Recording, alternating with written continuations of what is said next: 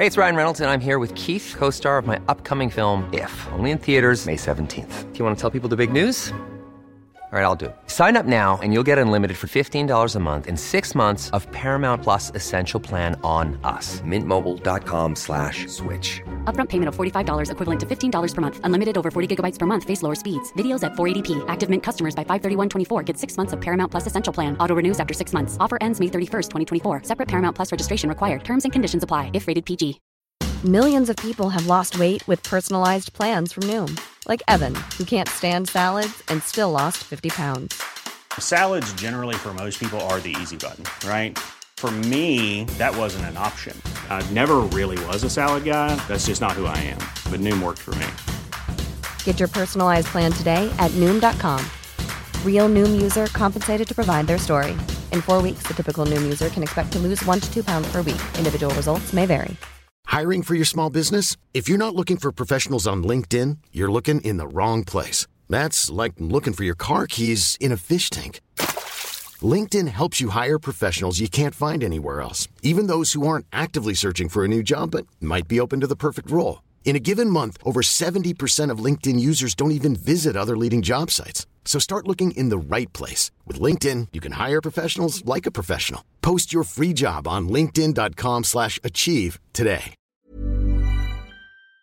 Deres eh, majesteter, statsråd, generaler, admiraler, kjære medlemmer og gjester. Varmt velkommen til eh, enda et foredrag i form av en spørsmålsrunde i eh, Oslo Militære Samfunn. Den 24. februar fikk hele verden knust alle illusjoner om Putins sanne motiver og hva han står for. Vestlig etterretning visste at han planla å angripe, og det ble en utryddelseskrig hvor ren, uforfalsket menneskeforakt, ondskap og løgner, kombinert med dyrking av en innbilt grandios fortid, har drevet Russland til en folkerettslig angrepskrig mot et uskyldig folk. Verden er endret, og den frie verden slår nå tilbake mot denne trusselen, mot alt vi står for. Hva betyr dette for oss i vårt land? For eh, Forsvaret, for vår beredskap og vår evne til å stå imot det trusselbildet som nå avtegner seg? Det er eh, noe av det vi håper å få svar på i aftenens eh, foredrag, som som sagt skjer i form av at noen av oss har satt sammen de viktigste spørsmålene tror vi, som vi bør stille til statsråden og til forsvarssjefen rundt fremtiden for vårt militære forsvar og utviklingen av denne. Til å hjelpe oss med det så har Andrea Rognstrand, journalist i eh, Forsvarsforum, tidligere VG, medlem av OMS selvfølgelig, tatt på seg oppdraget med å være moderator for eh, den første delen av det som skal skje her i aften. Så hvis statsråden, forsvarssjefen, eh, inntar sine plasser ved bordet der oppe, så sier jeg bare til Andrea vær så god, forsamlingen er din.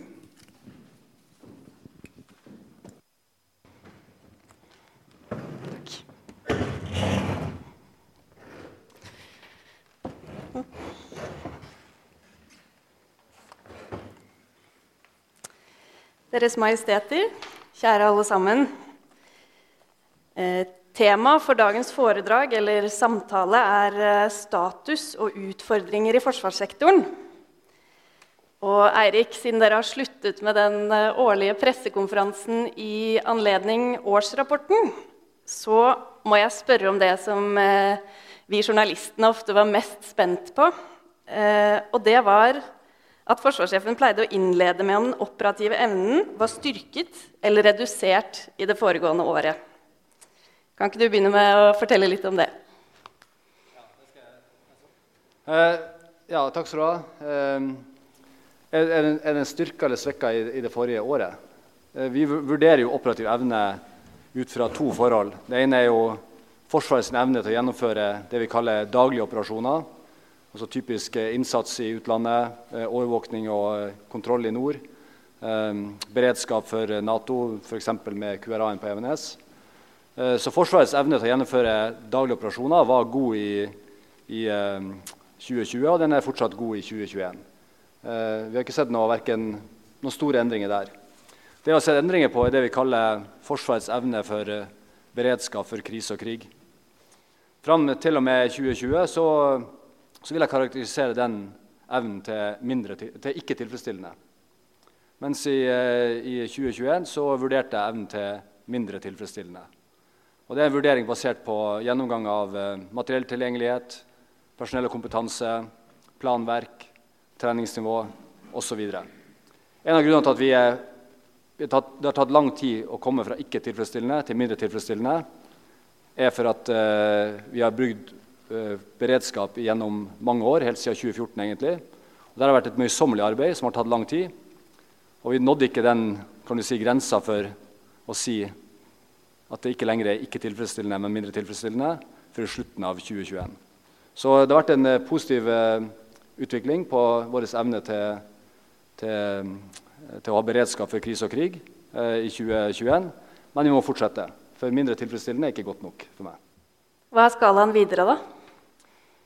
Ja, 2022 skulle jo være det store året der vi skulle ha fokus på eh, samvirke. Eh, Cold Response var en viktig øvelse for oss. Eh, fordi eh, eh, det var fire år siden sist vi hadde en så stor øvelse. Det var Trøyen Juncture. Og så vet vi at eh, pandemien satte en stopper for store samtreninger i alliert sammenheng. Så Cold Response og hele 2022 skulle være det store samvirkeåret. Men det forutsatte at vi var kommet lenger på beredskapsbygging. Så eh, fra og med nå så, eh, så, er på en måte samvirkeåret over. Og så går vi over til å igjen å bygge beredskap. Eh, fylle lagrene med ammunisjon. Sørge for at vi har godt nok treningsnivå på kan du si, basisferdigheter. Og vi skal eh, også se på eh, tilgjengeligheten på, eh, på den strukturen som er vedtatt. Da går vi litt over til det som kom i innledningen her. Det temaet som overskygger det meste annet om dagen. Invasjonen av Ukraina har vært en oppvåkning for Europa og for Nato. Hva vil dere si at har vært det mest overraskende i det som har skjedd? Du kan jo kanskje begynne, Enoksen. Ja, takk. Som det ble sagt i åpninga, så hadde vel også jeg trodd at vi i vårt århundre skulle være kommet til et punkt hvor det skulle være mulig å ha fred i Europa.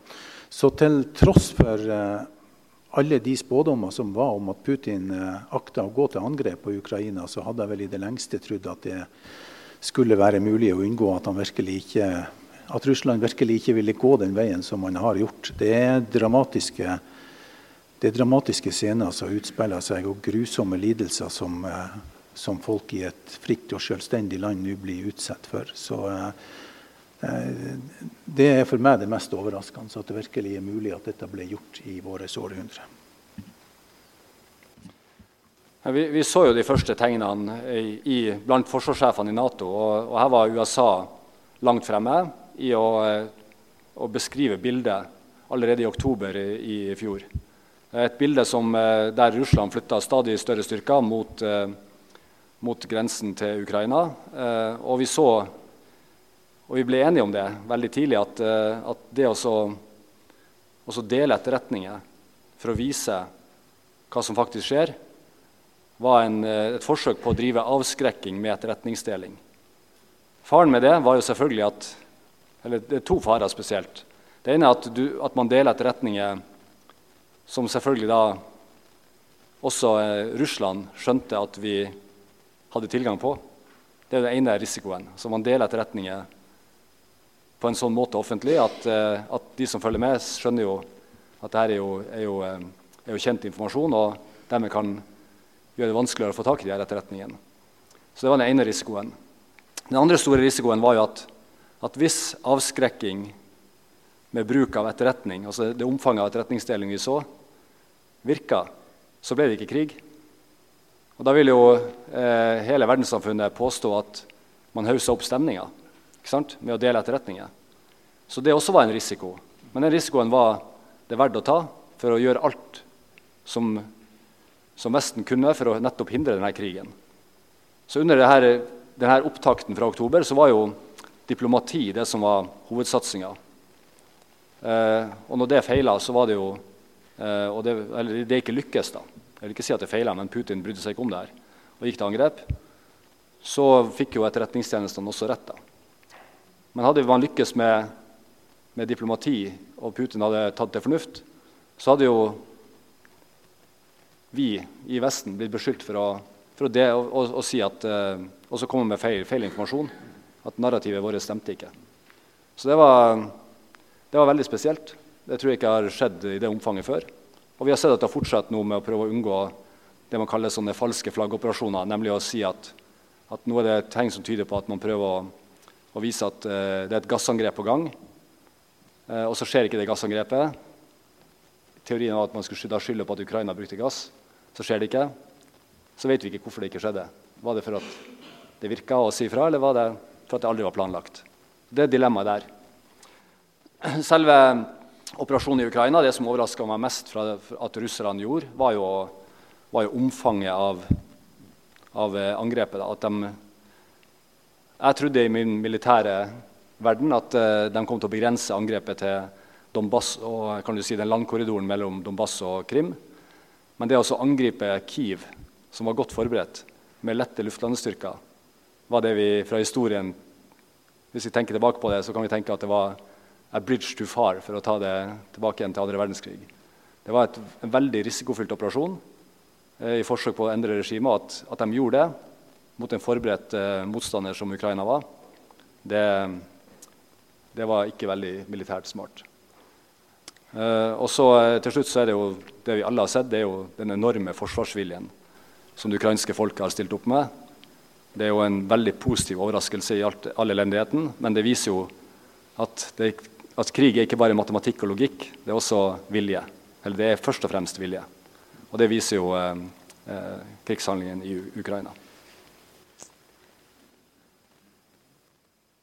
Norges forhold til Russland har tradisjonelt vært bygget på avskrekking og beroligelse.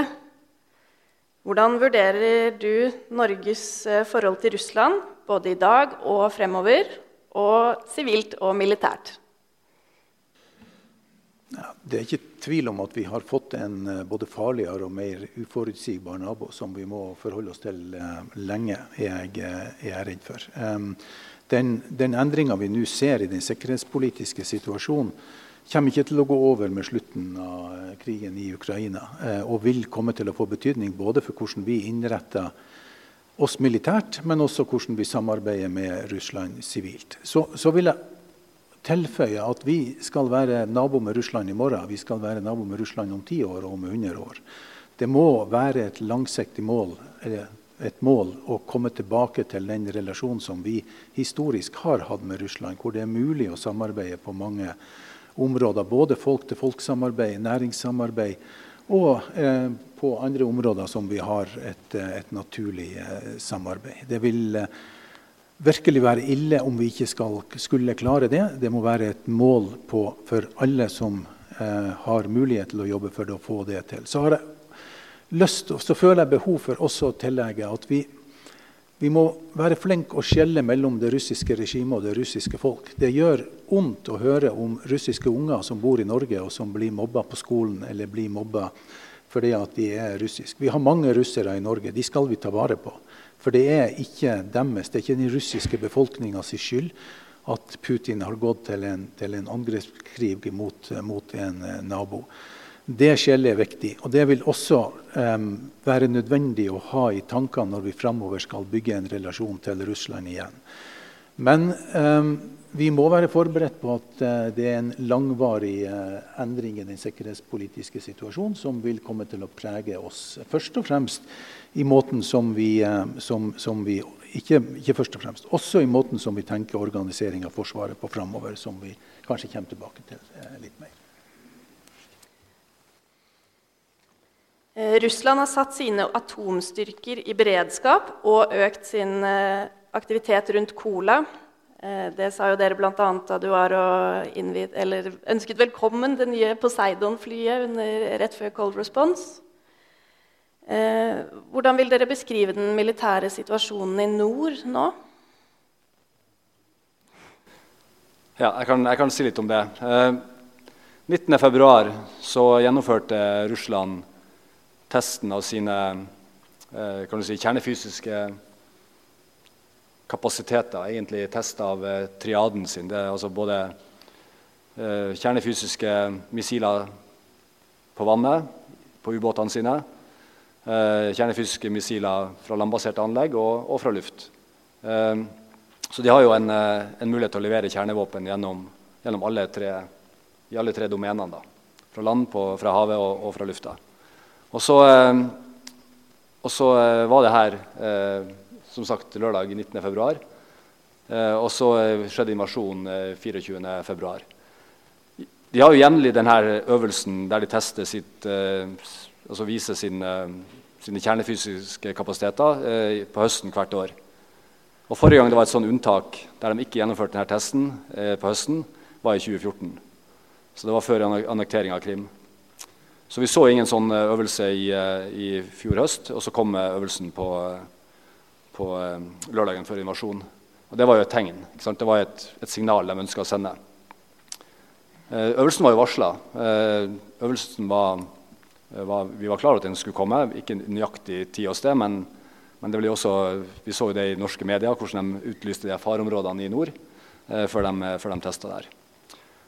Så det, det, er det ene poenget med, med vår relasjon til Russland, er at Russland har sine sin eh, største sikkerhetspolitiske garanti er jo deres avskrekkingsevne.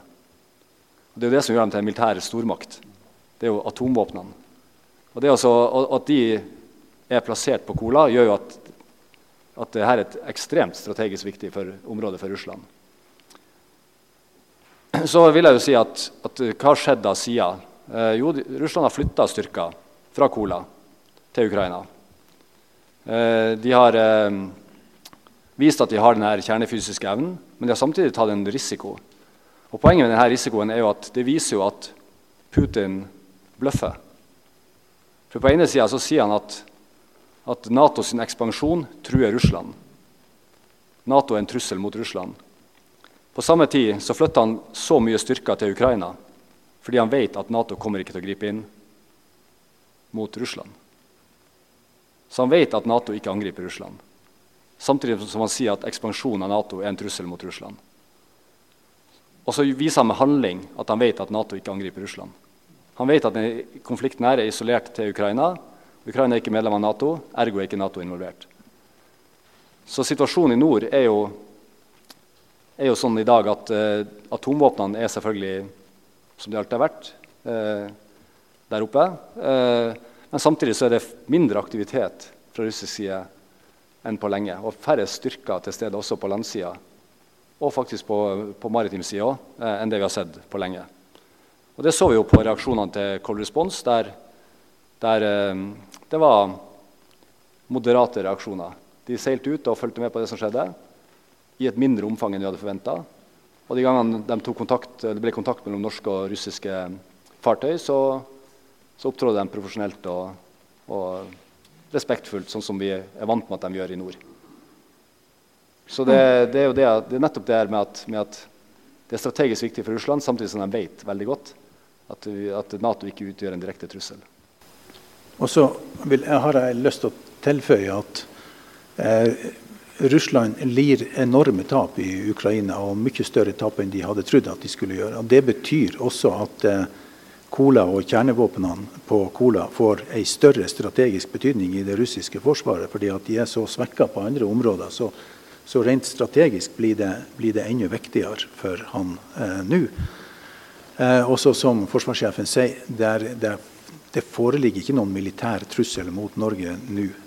Eh, men det gjør ikke at ikke vi må følge med. Det er faktisk en enda viktigere jobb for oss å følge med hva som skjer i nord, i en fase hvor Russland og Putin presses mer og mer opp i et hjørne gjennom de tapene som man lir i Ukraina.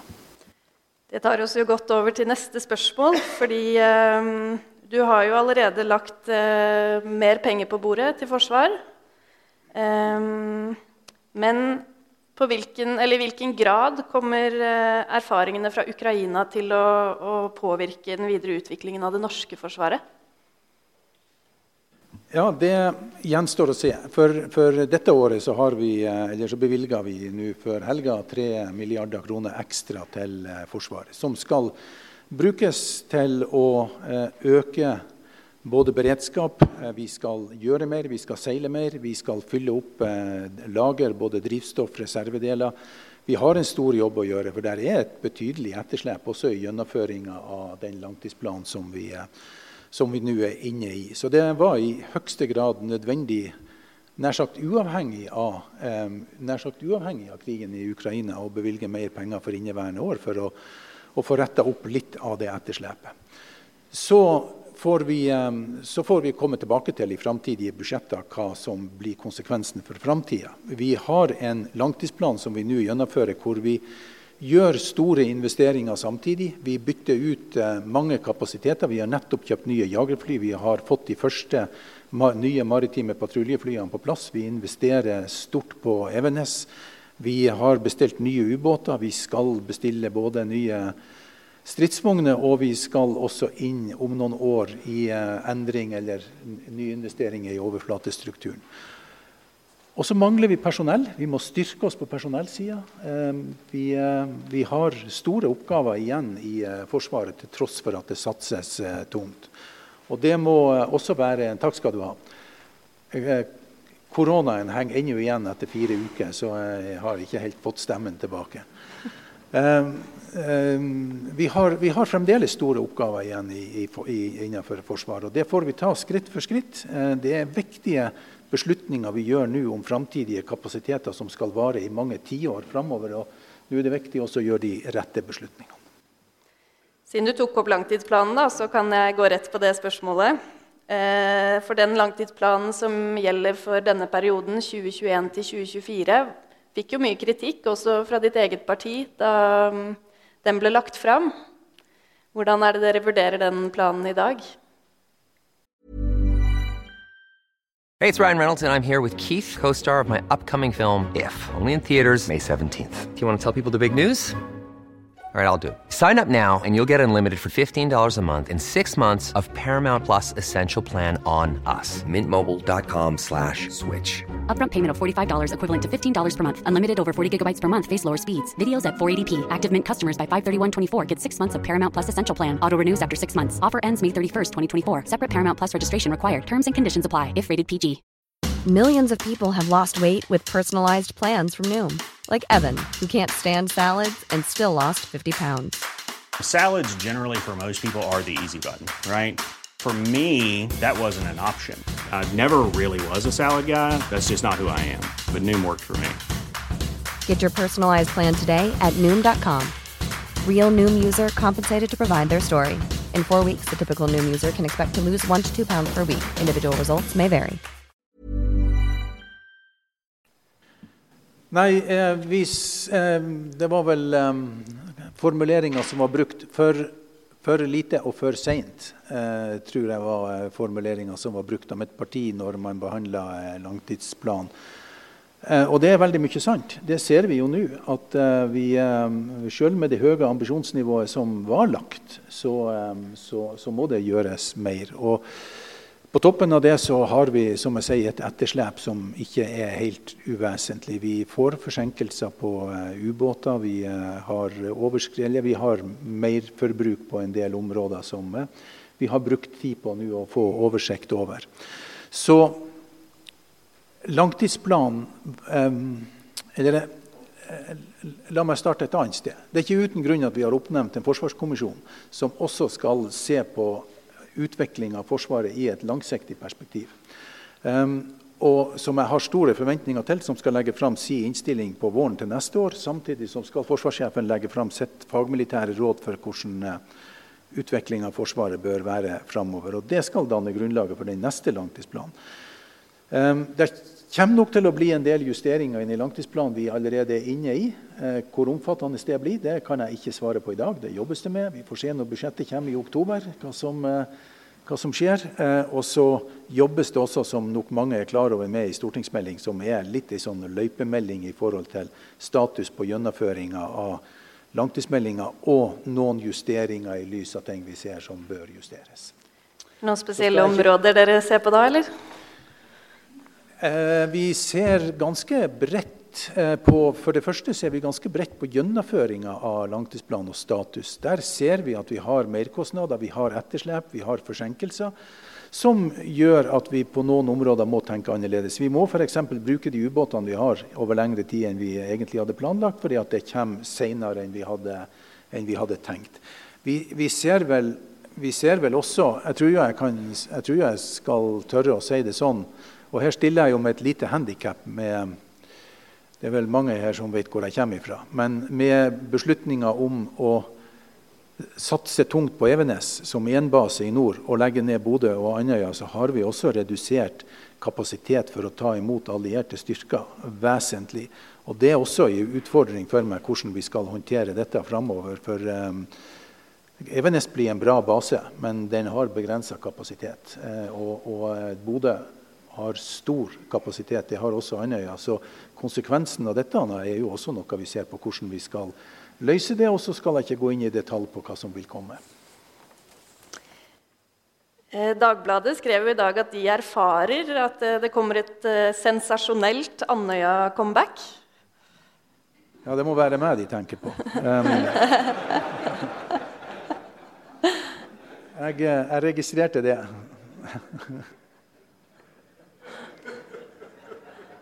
Er det noe du kan bekrefte i kveld, eller? Nei, Vi får vente og se. Det kommer en stortingsmelding, så får vi se hva som står der. I forrige uke så var dere på Debatten på NRK og snakket om angrepsscenarioer i nord. Um, men dette spørsmålet går litt bredere. Eh, er vi i stand til å forsvare Norge mot et russisk angrep, gitt de planer og ressurser som foreligger i dag? Jeg svarte, svarte jo det innledningsvis. Altså, tilstanden for beredskap for krise og krig er mindre tilfredsstillende. Så jeg er jo ikke fornøyd med det. Eh, så må vi huske på at, eh, at forsvaret av Norge bygger på flere ting. Det ene er jo, er jo sin egenevne. Og det er den jeg beskriver som mindre tilfredsstillende. Så der må det løftes. Men jeg, jeg gjentar at den var fram til i fjor ikke tilfredsstillende. Så jeg har gjort en jobb i mange år før meg òg med å løfte opp det her. Eh, og så gjør vi det her i rammen av, av, totalforsvaret. Det er hele Norge som skal forsvare Norge. Det er ikke bare Forsvaret som skal gjøre det. Det er jo den, den eh, forsvarsviljen og den si, totalberedskapen vi ser eh, i effekt i Ukraina nå der hele folket står sammen eh, på mange områder for å få det til å gå rundt i kampen mot, mot Russland. Og så er vi, vi medlem av eh, verdens sterkeste og historiens sterkeste militærallianse, Nato. Og vi kommer til å få forsterkninger raskere enn de 30 dagene som det tar å flytte landstyrker basert på noen av de scenarioene som Forsvarets forskningsinstitutt har. Eh, vi trener regelmessig med allierte eh, strategiske flyvninger til Norge som integreres veldig raskt i, i Forsvaret, og som er integrert i både i Hæren og, og, i spesialstyrkene. Og, og, vi ser også hvordan vi kan integrere det med Heimevernet i fremtida. For å ha sensorer på bakken som ser hva som skjer, og, og kunne bruke si, forsterkningsstyrker fra allierte. Så Nato er, er, er viktig. Og så har vi et bilateralt samarbeid spesielt med USA, med forhåndslagring av materiell i Norge. Og så ser vi et stadig sterkere nordisk samarbeid, som eh, avhenger av hva som skjer i Norden fremover. Eh, kommer til å utvikle seg i enten raskere eller uansett utvikle seg litt saktere, avhengig av om Finland og, og, eller Sverige blir medlem av Nato. Så det er en veldig spennende debatt som skjer nå i, i Finland og Sverige, og som, eh, som går ganske, eh, ganske, fort, spesielt i Finland, der de ser nå på, på hva skal de gjøre i fremtida. Men uavhengig av den debatten så er, så er både Sverige og Finland medlemmer av EU. De er ikke lenger det vi kan kalle nøytrale land. De er alliansefrie land, som er en forskjell. Og Det var jo også den svenske statsministeren helt tydelig på under eh, øvelse Cold Response. Og så havner Norge i en situasjon, så skulle Sverige støtte. Det sa hun på, når hun var på besøk i, i Bjerkvik. Og Jeg hadde akkurat uh, uka etter et møte med, med de nordiske forsvarssjefene.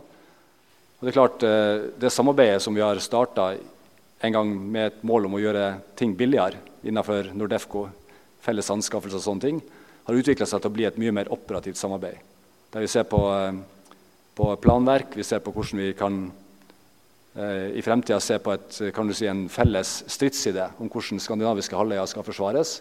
inkludert eh, stredene over mot Danmark, uavhengig av et medlemskap for Sverige og Finland i Nato. Og Det har vært politisk vilje til i, i, i, flere år nå. Og nå er det opp til oss egentlig å få det her til å bli substansielt. da. Eh, og Hvis vi da støter på utfordringer, så er alle vi forsvarssjefene enige om at da må vi gå tilbake igjen til politisk nivå og se på om det er ting som må endres for at vi skal få et enda tettere samarbeid. Så Norge eget, for, egen, eh, eget totalforsvar, forsvar er en del av det. Nato, bilaterale avtaler som vi f.eks. har med USA, og ikke minst nordisk samarbeid, gjør at, at det er ikke enkelt for enhver som ønsker å gjøre noe med, med oss, å prøve å gjøre noe. For det blir fort ei hengemyr. Og historien viser jo at at eh, enhver okkupant mislykkes. Det bare et spørsmål hvor lang tid skal det ta. Det er det det handler om. Så, eh, så, hvor lang tid tar det før noen som prøver å gjøre noe i Norge, taper? Og Vi ønsker at det skal ta så kort tid som mulig. Derfor vil jeg argumentere for mer penger og mer ressurser. Alltid. Fordi, som vi var inne på i stad også, det, det, er ekstremt viktig nå i den situasjonen vi er i nå, at uh, Norge er tydelig til stede i de mest strategiske områdene mot Russland. Det, det, er veldig viktig at det er norske soldater, norske fartøy, norske fly som patruljerer oftest og mest på grensen til Russland. Det er helt avgjørende. Hvis ikke vi gjør det, så vil noen andre fylle det vakuumet. For alle ønsker nå å, å, eh, å være litt eh, drive avskrekking mot Russland. Men i nord så må vi, vi må gjøre det sjøl. Derfor må vi styrke Forsvaret og tilstedeværelsen, spesielt i nord. Akkurat nå. Det, det haster. Det forsvarssjefen sier nå, det er jeg veldig enig i. Det er helt avgjørende for at vi klarer nettopp å ivareta dette med, også med avspenning. Ikke bare avskrekking, men også avspenning i nord. Den måten som, eh, som det ble gjort på under Cold Response, hvor det ble opptredd eh, profesjonelt. De, våre folk i Forsvaret hadde kommunikasjon med de russiske fartøyene som, som, seilte og som uh, fulgte øvelsen, og gjorde det på en profesjonell måte. Um, jeg hadde møte med min britiske kollega i forrige uke, som jo tydelig signaliserer også, at også Storbritannia ønsker å gjøre mer i, i nord og være mer aktiv uh, i, i, nordområdene. Og det, det, er bra, men uh, det aller viktigste er at vi har styring, vi har kontroll, og at det skjer koordinert. Det er noe av det som jeg tar opp med alle mine kollegaer når jeg møter dem. Det, dere er velkommen til å øve i nord, være i nord, men det er viktig at uh, vi, har, uh, vi, har, vi, koordinerer dette på en god måte, sånn at det ikke oppleves som en aggresjon mot, uh, mot Russland. Så er nok, for å eh, si noen ord om dette med vår evne til å forsvare oss Som forsvarssjefen sier, vårt forsvar bygger også på at vi er en del av en allianse. De som er motstandere av Nato, de har nok dårlige kår akkurat nå. For uh, nå har vi tydelig sett hvor viktig medlemskap i Nato er for oss. Det er helt avgjørende for vår, for sikkerhet. Eh, derfor er det også viktig at vi legger til rette for å øve i lag. Vi har en basepolitikk som sier at vi skal ikke ha permanente utenlandske styrker på norsk jord. Det er viktig å holde fast på, men desto viktigere er det da også at vi legger til rette for at vi skal kunne øve i lag, sånn som vi gjorde med Cold Response i år, med 27 nasjoner og over 30 000 soldater som, som har øvd på norsk jord. Det er også helt avgjørende for at vi skal kunne få eh, hjelp raskt. og legge til rette for at vi skal kunne få hjelp når det trengs. Ja, og det, og det, det er jo der vi, vi, er, vi, har vært veldig flinke til å legge til rette for allierte. Men samtidig så har prisen også for de allierte å trene i Norge har gått veldig opp. Det er ganske dyrt å trene her. Vi er ikke et billig land, men de får veldig godt utbytte av det. Så det vi ser på nå er jo hvordan kan vi gjøre alliert trening og tilstedeværelse rimeligere i fremtida. Og det er litt av bakgrunnen for at vi har har gått inn og sett på her, noen av de avtalene vi har eh, i forhold til strategiske partnere, som har vært veldig gode avtaler og, og viktige for Forsvaret, men som vi nå må se på en gang til i lys av at, at vi må eh, finne andre måter også for de allierte kan komme hit. Vi kan ikke bestandig bruke den samme modellen som vi brukte på Trine Juncture. Det var en god modell da, men det er ikke sikkert den er en god modell for fremtida. Så, så det er der debatten kommer inn igjen. Hvor lenge skal vi ha aktivitet f.eks. i Bodø? Eh, hvor mye skal vi beholde i Bodø? Hva skal vi gjøre med Andøya i forhold til økt alliert aktivitet? Og ikke minst eh, hvordan kan vi legge bedre til rette for alliert trening i Indre Troms og, og, andre steder der det, der det, er mye alliert aktivitet.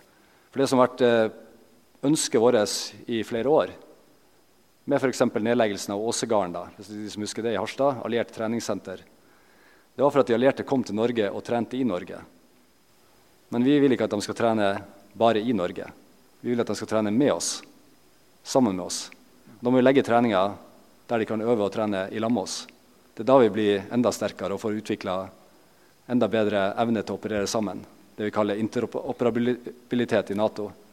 Og Det har vi sett at vi har fått et kjempeløft på eh, i flere år nå, pga. at vi har sett på hvordan vi kan utveksle sikker informasjon eller gradert informasjon mellom forskjellige plattformer. Og Det får vi kun til når vi trener sammen, og ikke bare i Norge. Jeg har ikke på meg klokke, men jeg har fått noen signaler om at det begynner å, begynner å runde av. Så da lurte jeg på om eh, du og Droger kunne si litt om den stortingsmeldinga som du eh, nevnte så vidt i stad. Hva er det vi kan vente oss der? Nei, Ingen må forvente seg en ny langtidsmelding. Det blir det ikke. Den, eh, den starter vi arbeidet med basert på både arbeidet til Forsvarskommisjonen og et fagmilitært råd fra forsvarssjefen. Så eh, vi ser på mulighetene for å framskynde den neste langtidsmeldinga noe, i lys av at den sikkerhetspolitiske situasjonen er så endra at det må få noen konsekvenser. Denne stortingsmeldinga omhandler først og fremst gjennomføringa av den langtidsplanen som vi nå er inne i. Hva må justeres, hvor trenger vi mer penger? Hva må gjøres for å gjennomføre den planen vi er inne i, på en så god måte som overhodet mulig? I tillegg til um, dette med alliert um, altså kapasitet for å ta imot og trene i laget med allierte. Det, det, det, er ingen tvil om at der må vi um, ta noen grep. Um, og så, er vi ikke i mål med alt som skal vurderes og utredes. Vi peker på en del ting. Så får vi vente noen dager eller uker eller hva det måtte være, og se, så kommer det en melding, så vent i spenning. Men når du sier fremskynde, mener du da å gjøre ting som står i nåværende, inneværende langtidsplan for 2021 til 2024 raskere, eller ta inn nye ting? Eller lage en ny plan som nei, starter la, tidligere? Nei, nei, vi lager ikke en ny plan som starter tidligere. Det, det, eh, det kan eventuelt være, ting, være, aktuelt å framskynde ting. Men, men, eh, jeg vil nok si at jeg har fått meg en, en, overraskelse også i forhold til at vi ligger etter på gjennomføringa en god del av det som ligger i planen. Og det er faktisk det, mitt viktigste mål nå. Det er å komme på, på trekk i forhold til det som er beslutta, og få gjennomført det på en best mulig måte. Vi trenger rett og slett mer penger eh, de neste par årene enn det som var lagt til grunn for å, å imøtekomme utfordringene i planen. Hva slags ting er det man henger etter med, da? Eh, ubåter er forsinka. Vi, har, vi, får merkostnader på Evenes i forhold til det som ligger i planen. Vi har merkostnader også på Ørlandet i forhold til det som ligger i planen. Vi har eh, både på bygg og anlegg har vi eh, store vedlikeholdsbehov. Eh, der har det vært forsømmelser i lang tid. Så eh, jeg kunne ha ramsa opp eh, lenge, men jeg tror jeg må gjemme noe til meldinga. Hans Majestet sitter her og skal ha den først. Da får vi andre vente i spenning, og så kan vi kanskje åpne for spørsmål fra salen, eller? Det kan vi godt gjøre, Andrea. Tusen takk for hjelpen til deg eh, så langt. Liten applaus til henne. Takk for meg.